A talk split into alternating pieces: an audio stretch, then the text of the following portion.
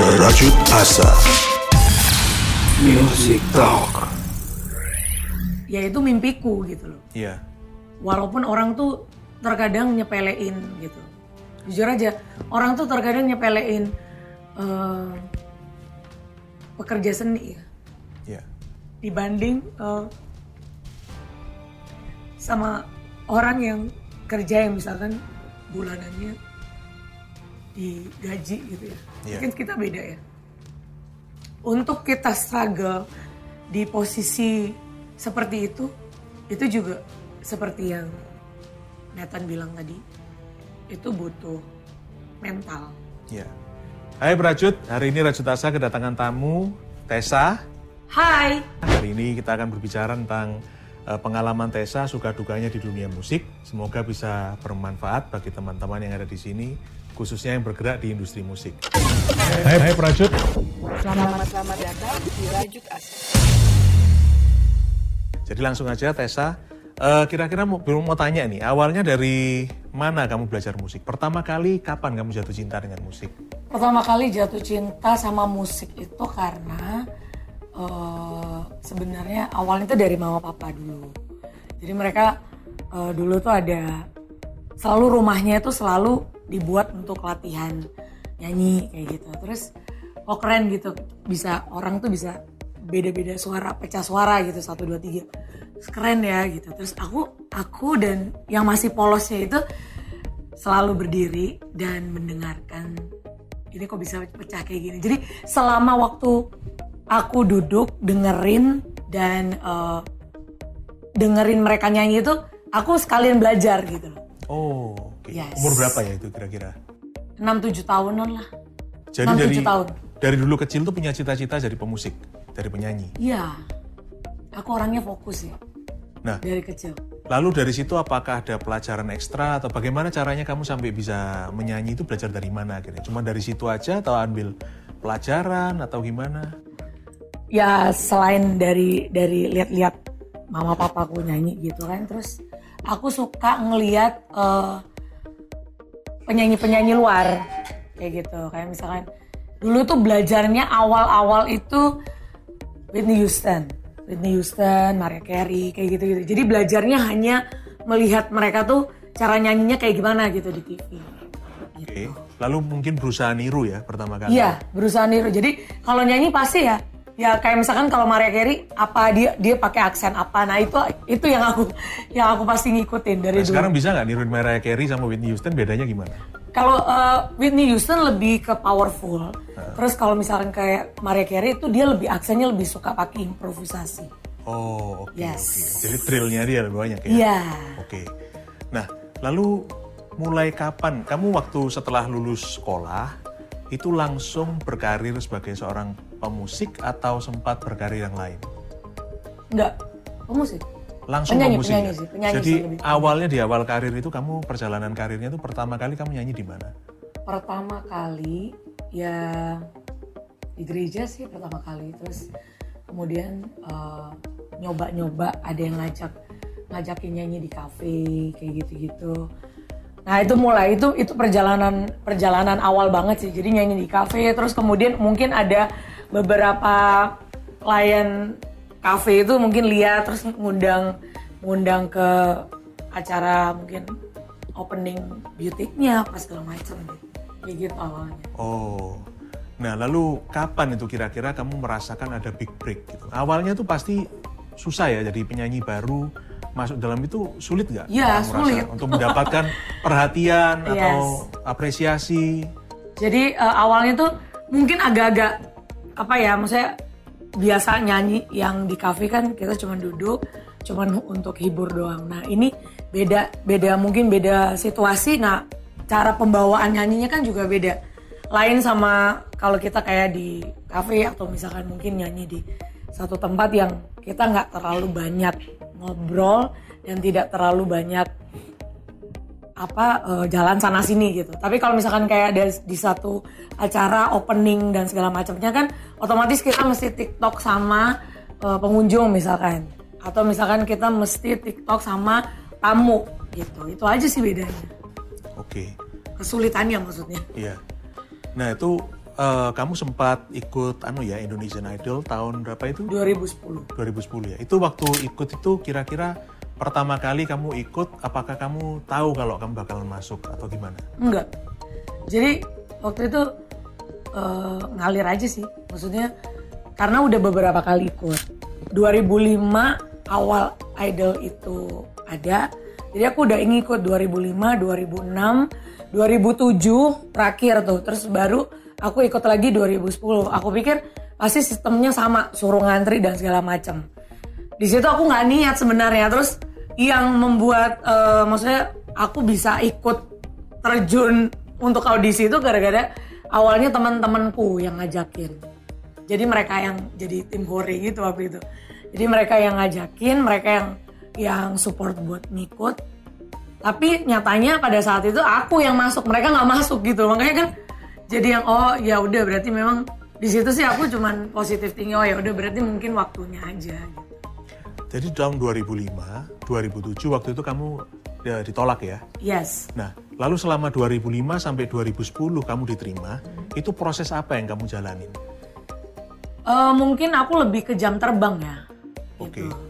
Lebih ke jam terbang terus eh, lebih belajar menempatkan waktu istilah tempat pada saat nyanyi di mana aja. Jadi kar- karena kan audisi dengan kita nyanyi kan beda. Iya. Yes. Jadi maksudnya tuh selain vokal, kamu juga belajar bagaimana mengkontrol penonton, bagaimana di Yes. panggung, Iya. stage act, ya. Iya. Lalu mungkin pelajaran-pelajaran itu yang tidak bisa kamu dapatkan kalau kamu punya hanya jadi regular di sebuah kafe ya. Iya. Oke. Nah, lalu setelah kamu masuk ke idol, mungkin Tessa bisa cerita sedikit pengalamannya waktu itu gimana? Jadi pengalamannya sih eh, aku merasa bahwa aku dengan yang lain itu kita eh, sama, sama-sama penyanyi. Tapi perbedaannya adalah karakter kita yang berbeda. Jadi misalkan ada yang aksennya mungkin dia Melayu, Ya. terus kemudian ada yang pop, R&B. Kalau aku R&B waktu itu. Ya. Dan eh, pada saat itu pesertanya 14 yang masuk eh, spektakuler itu R&B itu ada dua orang. Aku dengan yang ada yang eh, sahabat aku yang yang ikut dari eh, dia perwakilan dari Makassar. Oke. Jadi menurut aku adalah aku harus eh, gimana caranya dengan aksen R&B ku itu itu yang bisa berbeda sama dia R&B aku dengan R&B R&B-nya dia gitu. Oke. Aku yang paling ingat dari penampilan kamu waktu itu kamu nyanyi pelan-pelan saja. Yes. Itu menurut aku luar biasa itu. itu bisa dicek di YouTube. Itu salah satu rendisi yang paling paling aku suka lah. Itu nggak gampang kalau menurut aku itu sangat menarik. Nah tapi setelah kamu masuk ke idol, otomatis waktu itu kamu punya harapan tinggi ya. Kan itu kayak kamu dapat satu break, dapat Iya. satu kesempatan gitu. Nah waktu itu kalau nggak salah kamu sampai top 5 ya. Ya. Nah, itu perasaannya kamu pada waktu sampai top 5 kamu eh, sampai harus pulang, itu rasanya bagaimana? Jadi waktu masuk kepilih di Spekta itu semuanya sih berjalan. Menurut aku sih semuanya berjalan ya. Mengalir aja gitu, seperti yang aku tadi ngomong. Jadi mau mau mungkin aku berhenti di posisi dua kah atau misalkan juara kah ataupun aku akan berhenti yang 10, 8 dan sebagainya. Menurut aku sih masuk di spekta itu itu sudah berkah gitu loh. Maksudnya itu udah rejeki gitu ya, hoki ya. Saya orang karena waktu pas eh, aku masuk idol pun itu nggak sedikit audisinya dari Surabaya aja dia 5000 kalau nggak salah peserta Surabaya aja belum eh, dari kota-kota yang lain. Jadi pada saat eh, masuk sampai posisi lima besarnya ya ya buat aku sih yang pertama adalah sampai Tuhan ngizinin aku sampai ke situ dan ada sesuatu yang Tuhan siapin gitu maksudnya. Intinya eh, mau lima atau berapapun atau menang dan rezeki udah diatur gitu loh sama Tuhan. Jadi jadi menurut aku begitu aku keluar ya aku bersyukur aja. Jadi orang tuh kadang-kadang kalau dengar cerita aku tuh mereka ya kok bisa sih kamu emang nggak ada tekanan pressure tekanan pressure memang ada gitu ya waktu pas kita uh, kompetisi tapi untuk uh, selesai dan gaknya kompetisi itu menurut aku sih udah yang ada yang ngatur gitu loh Iya. Jadi pelajaran yang paling berharga salah satunya dari idol selain hal-hal tentang performance atau musik itu adalah bagaimana secara pribadi kamu berkembang. Iya. Betul ya? Melatih kepercayaan diri ataupun melatih keberanian disiplin itu butuh disiplin banget kan? Iya. Bagaimana kamu disiplin untuk bisa ngomong sama orang lain, lalu bagaimana berinteraksi dan bagaimana handling kalau ada press dan sebagainya ya. Ya? Nah, ini hal yang mungkin eh, yang kepingin saya tanyakan ini mungkin agak sedikit sensitif. Kepingin tanya kehidupan setelah idol itu seperti apa? Saya bayangkan pasti ada jatuh bangunnya kan. Iya. Itu kira-kira seperti apa? Jadi setelah idol, memang sih eh, nggak langsung yang aku jadi, maksudnya kalau mau dilihat dari grafik, misalkan job job job kayak gitu. Habis itu eh, dia semakin lama semakin nurun, menurun gitu. Memang waktu pas awal-awal sih memang rame gitu job apa segala macam. Tapi begitu masuk di eh, setelah idol itu masuk tahun-tahun kedua, ketiga, nah itu mulai tuh. Di situ yang biasanya jujur aja sih waktu itu sempet sempet sedikit depresi stres gitu ya. I see. yang biasanya karena kita dari orang yang biasa terus kemudian eh, banyak tawaran job biasa megang duit gitu. Iya. terus kemudian eh, grafiknya mulai nurun. Kadang-kadang mungkin sebulan nggak ada sama sekali kayak gitu kan. Em, itu sempat sempat sempat stres sih. Sempat ngurung aja di kamar gitu.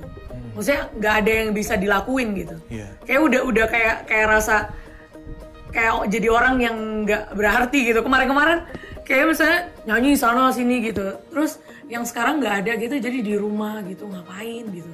Sempet waktu itu sempat berpikir bahwa apa ngelamar kerja aja ya gitu. Oh, tapi di situ aku langsung berpikir kayak tapi aku kalau ngelamar kerja gitu duduk di satu perusahaan kayaknya bukan aku banget gitu. Bukan karakter aku gitu. Kalau misalkan eh, di situ aku berpikir "Se- selain kerja apa ya gitu? Jadi sambil sambil aku tuh sambil eh, nyari-nyari gitu. Tapi nyatanya si- di situ sih aku sempet ada salah satu teman sih dia bilang memang sih orang tuh nggak selamanya kita tuh mendapatkan apa yang kita mau. Kadang-kadang banyak hal yang sebenarnya kita udah kejar tapi nggak dapet gitu. Jadi jangan maksudnya kamu nggak usah nggak usah down. Pasti akan ada eh, timing di mana kamu akan up lagi gitu. Iya. caranya so aku nanya gitu. Maksudnya caranya gimana ya udah kamu nikmatin aja. Apa yang bisa kamu bagi ke maksudnya orang ya udah kamu mengalir aja gitu. Nah di situ langsung aku berpikir bahwa hmm, gimana kalau aku ngajar gitu? Iya. karena aku punya potensi itu kan. Terus kemudian eh, ngajar dan di situ memang aku punya memang sedikit sedikit eh, ilmu dari guru sebelumnya. Jadi aku sempat waktu idol itu aku sempat memang sekolah vokal juga Oh, di situ gitu. aku belajar tekniknya apa segala macam Iya. tapi itu menurut aku sih memang kan baru baru sedikit gitu dan Iya. memang waktu itu emang nggak pernah nggak pernah pede gitu untuk untuk maksudnya aplikasi ke orang gitu Hmm. dan belum belum terpikirkan kalau aku mesti harus ngajar orang yang istilahnya harus sesuai dengan apa yang aku mau bentuk gitu Iya. dan akhirnya eh doa aja sih. Akhirnya doa terus habis itu tiba-tiba waktu pas mau balik ke Jakarta untuk eh, salah satu eh, acara gitu event Iya. ada salah satu ibunya anak murid ibu-ibunya anak murid gitu. Datang. Ya aku pikir apa aku bisa gitu loh. Iya. waktu itu apa aku bisa ya. Tapi ya cobalah maksudnya nggak ada karena aku punya prinsip du- dari dulu sih nggak ada yang nggak bisa kalau kita nggak mau coba gitu akhirnya aku mencoba dan memang eh, sampai sekarang sih ya luar biasanya ada beberapa anak murid yang memberi kepercayaan untuk aku ngajar. Kalau nggak saya lah, saya dengar ada beberapa muridnya Tessa ikut ajang cari bakat juga ya. Yes. Dan mereka berhasil lolos. Itu di mana ya itu ya? Di The Voice kemarin. The Voice ya. Yes. Itu jadi ada murid-murid Tessa yang belajar dari Tessa, akhirnya mempraktekkan trip-tips itu Iya. juga masuk ke sana ya. Iya. Wah, jadi betul nggak kalau saya katakan bahwa dalam hidup itu Tessa harus selalu adjust, adaptasi terhadap Iya. situasi. Kadang-kadang kita rencana apa, lalu mendadak tadinya rencana Berubah. mau jadi iya, jadi performer gitu kan. Yes. Akhirnya masuk di bidang musik tapi juga di bidang yang berbeda Iya. gitu ya, naturnya berbeda. Iya. Tapi apakah ada keinginan untuk kembali ke dalam dunia performing performing ini? Eh, untuk kembali sih iya, karena kan memang kan eh, ya itu mimpiku gitu loh. Iya. Walaupun orang tuh terkadang nyepelein gitu. Jujur aja, orang tuh terkadang nyepelein eh, pekerja seni ya. Dibanding eh, sama orang yang kerja yang misalkan bulanannya digaji gitu ya. Iya. Mungkin kita beda ya. Untuk kita struggle di posisi seperti itu, itu juga seperti yang Nathan bilang tadi, itu butuh mental. Iya. Karena dari orang yang biasa eh, awal orang yang dikenal gitu, terus kemudian eh, fasenya berubah menjadi orang yang tiba-tiba dilupakan gitu ya semua orang. Itu terkadang nggak nggak segampang itu ya Iya. nggak segampang itu orang tuh bisa menyesuaikan gitu. Jadi waktu itu aku berusaha untuk eh, gimana caranya untuk aku tetap struggle dengan talenta yang ada. Jadi aku mulai mulai eh, cari gimana caranya aku tetap stay eh, dan aku tetap di bidangku gitu ya Iya. dan aku jadi uh, pengen kalau bisa ada penerus yang sama gitu kayak aku bukan bukan kopi dari aku ya enggak tapi mereka berhasil seperti uh, apa yang aku rasain kemarin gitu. Iya. Jadi uh, akhirnya aku nemuin bahwa oke aku kemarin uh, jadi pekerja seni yang uh, aku yang memberikan uh, effort ke mereka. Sekarang ini kayaknya aku harus jadi eh, guru gitu. Dan eh, sepertinya kalau aku membayangkan seperti itu waktu itu eh, kalau misalkan aku jadi guru, em, kayaknya aku lebih terhormat ya daripada aku harus eh, balik lagi, mu- misalkan mungkin balik lagi ke nol gitu. Iya. Di situ sih, maksudnya eh, itu yang yang aku perjuangin dan ya bersyukurnya memang ya berhasil sih sampai Iya. sekarang. Saya rasa memang musuh terbesar itu ada di diri kita sendiri. Yes. Soalnya pada waktu kita harus adjust. Kadang-kadang kita ini punya satu idealisme, satu cita-cita, Ya, tapi kita ini nggak siap jatuh. ya. Eh, kita di Rajut Asa sempat membahas tentang berani gagal. Bagaimana kalau kita jatuh, bahkan di titik terendah itu kita akhirnya mau beradaptasi dan akhirnya bangkit lagi. Yang Yes. aku hormat sekali dari Tessa adalah sebuah semangat ya untuk kembali bangkit Ya. lewat apa yang harus bisa eh, yang Ya, bisa dan itu dilakukan. nggak gampang. Betul. Nggak gampang. Itu sama sekali nggak gampang. Dan itu sebenarnya itu satu hal yang bisa membuat aku bangga sekali sih kalau sampai Tessa bisa sampai ke sana ya. Dan aku rasa itu juga hal yang bisa menjadi pelajaran bagi setiap kita semua. Pekerja seni itu memang sayangnya di Indonesia masih belum dihargai dengan pandangan pantasnya. Karena mungkin stigma yang ada, orang di sini bilang pekerja seni itu nggak disiplin dan sebagainya. Padahal itu jauh dari benar sebenarnya. Nah, kalau boleh tahu Tessa, eh, dari mengalami sebuah break, Ya. lalu sampai ke dalam titik terendah tadi, itu kalau bisa ada yang kamu ulang, itu kira-kira apa yang kamu benerin dari sana? Apakah ada hal-hal yang kamu sesali, yang mungkin bisa jadi pelajaran buat generasi-generasi yang selanjutnya ini? Eh, dari dari eh, apa yang sudah aku jalanin ya, sampai yang aku bis- eh, pernah down juga dan maksudnya sampai saat ini pun juga masih yang menjadi eh, pekerja seni juga gitu. Hmm, kalau misalkan untuk ngulang, ya mungkin aku bakalan ngulang 10 kali lipat lagi eh, mungkin apa yang aku kasih ke orang gitu. Jadi 10 kali lipat lagi untuk aku hibur orang gitu. Oke. Jadi lebih apa put yourself out Ya, there ya untuk show lebih Ya. dari ke- tentang kamu Yes. mungkin di sosial media atau di YouTube Ya. atau bahkan manggung kalau zaman Ya. itu ya. Jadi sekarang Tessa punya YouTube channelnya sendiri. Saya udah lihat beberapa Ya. anu itu channelnya namanya apa Tessa? Tasawona. Tessalona ya di YouTube Tessalona. Lalu juga ada di Instagram Tessalona. Ya. Eh, selain itu Tessa juga punya Blessing of Praise Ya. untuk musik-musik rohani. Itu anak-anak muridku yang memang eh, kalau mereka sih eh, di situ waktu ketemu dan bikin dan jadi blessing of praise itu karena memang anak-anak ini merasa bahwa eh, talenta talenta yang dikasih sama Tuhan itu mereka mau balikin gitu. Oh iya, itu bagus sekali ya. Ya, jadi siapa pun yang memang itu terbuka sih, siapa pun yang mau gabung sih bisa gitu. Oke. Nah, sekarang kalau saya yang kepingin tahu what's next for you.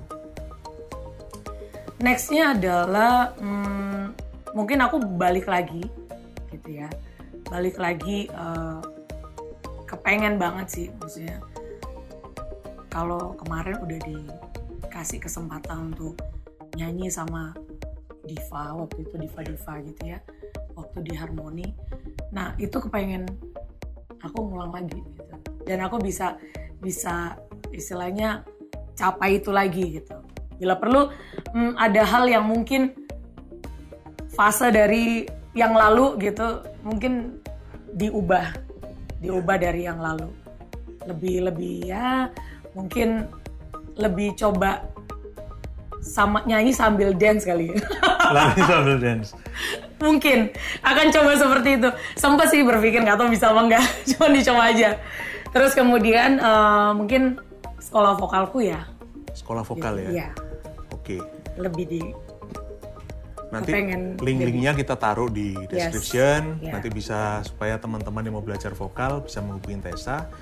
Dan kalau saya lihat juga Tessa belakangan sering kolaborasi ya dengan Iya. artis-artis yang lain. Yes. Terakhir di lagunya Simfoni Cinta, kolaborasi dengan siapa ini?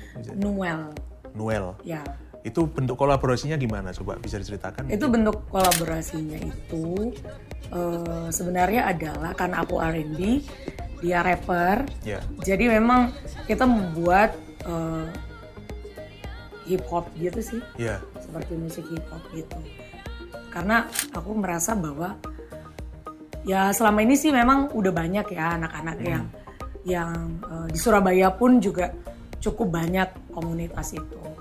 Dan dulu sih sempat gitu bergabung ke komunitas itu. Cuman karena lama vakum karena aku lebih lebih sekarang lebih fokusnya ke anak-anak murid gitu ya. Jadi sudah udah lama eh, nggak kontak sama mereka mereka dan memang aku kepengen lagi untuk eh, tampilin lagi dengan musik seperti itu. Karena memang ya itu sosok yang sebenarnya. Kalau sekarang kalau apakah Tessa open dengan kolaborasi? Misalnya Iya. ada teman-teman di sini yang kepingin kolaborasi, Iya. bikin konten, bikin Bisa. lagu, anu bisa ya? bisa banget Oke, jadi tolong pantengin terus ini Instagram Tessalona, YouTube Tessalona juga, Facebook juga ada Tessalona Ya, ya. Nah, coba dilihat akan ada update-update yang terus akan ada dari Tessa, konten-konten yang baru dan mungkin juga expect comebacknya dari si Tessa. Thank you Tessa udah ada di sini, sukses ya. thank you Sama-sama kita merajut asa. Bersama-sama Nathan,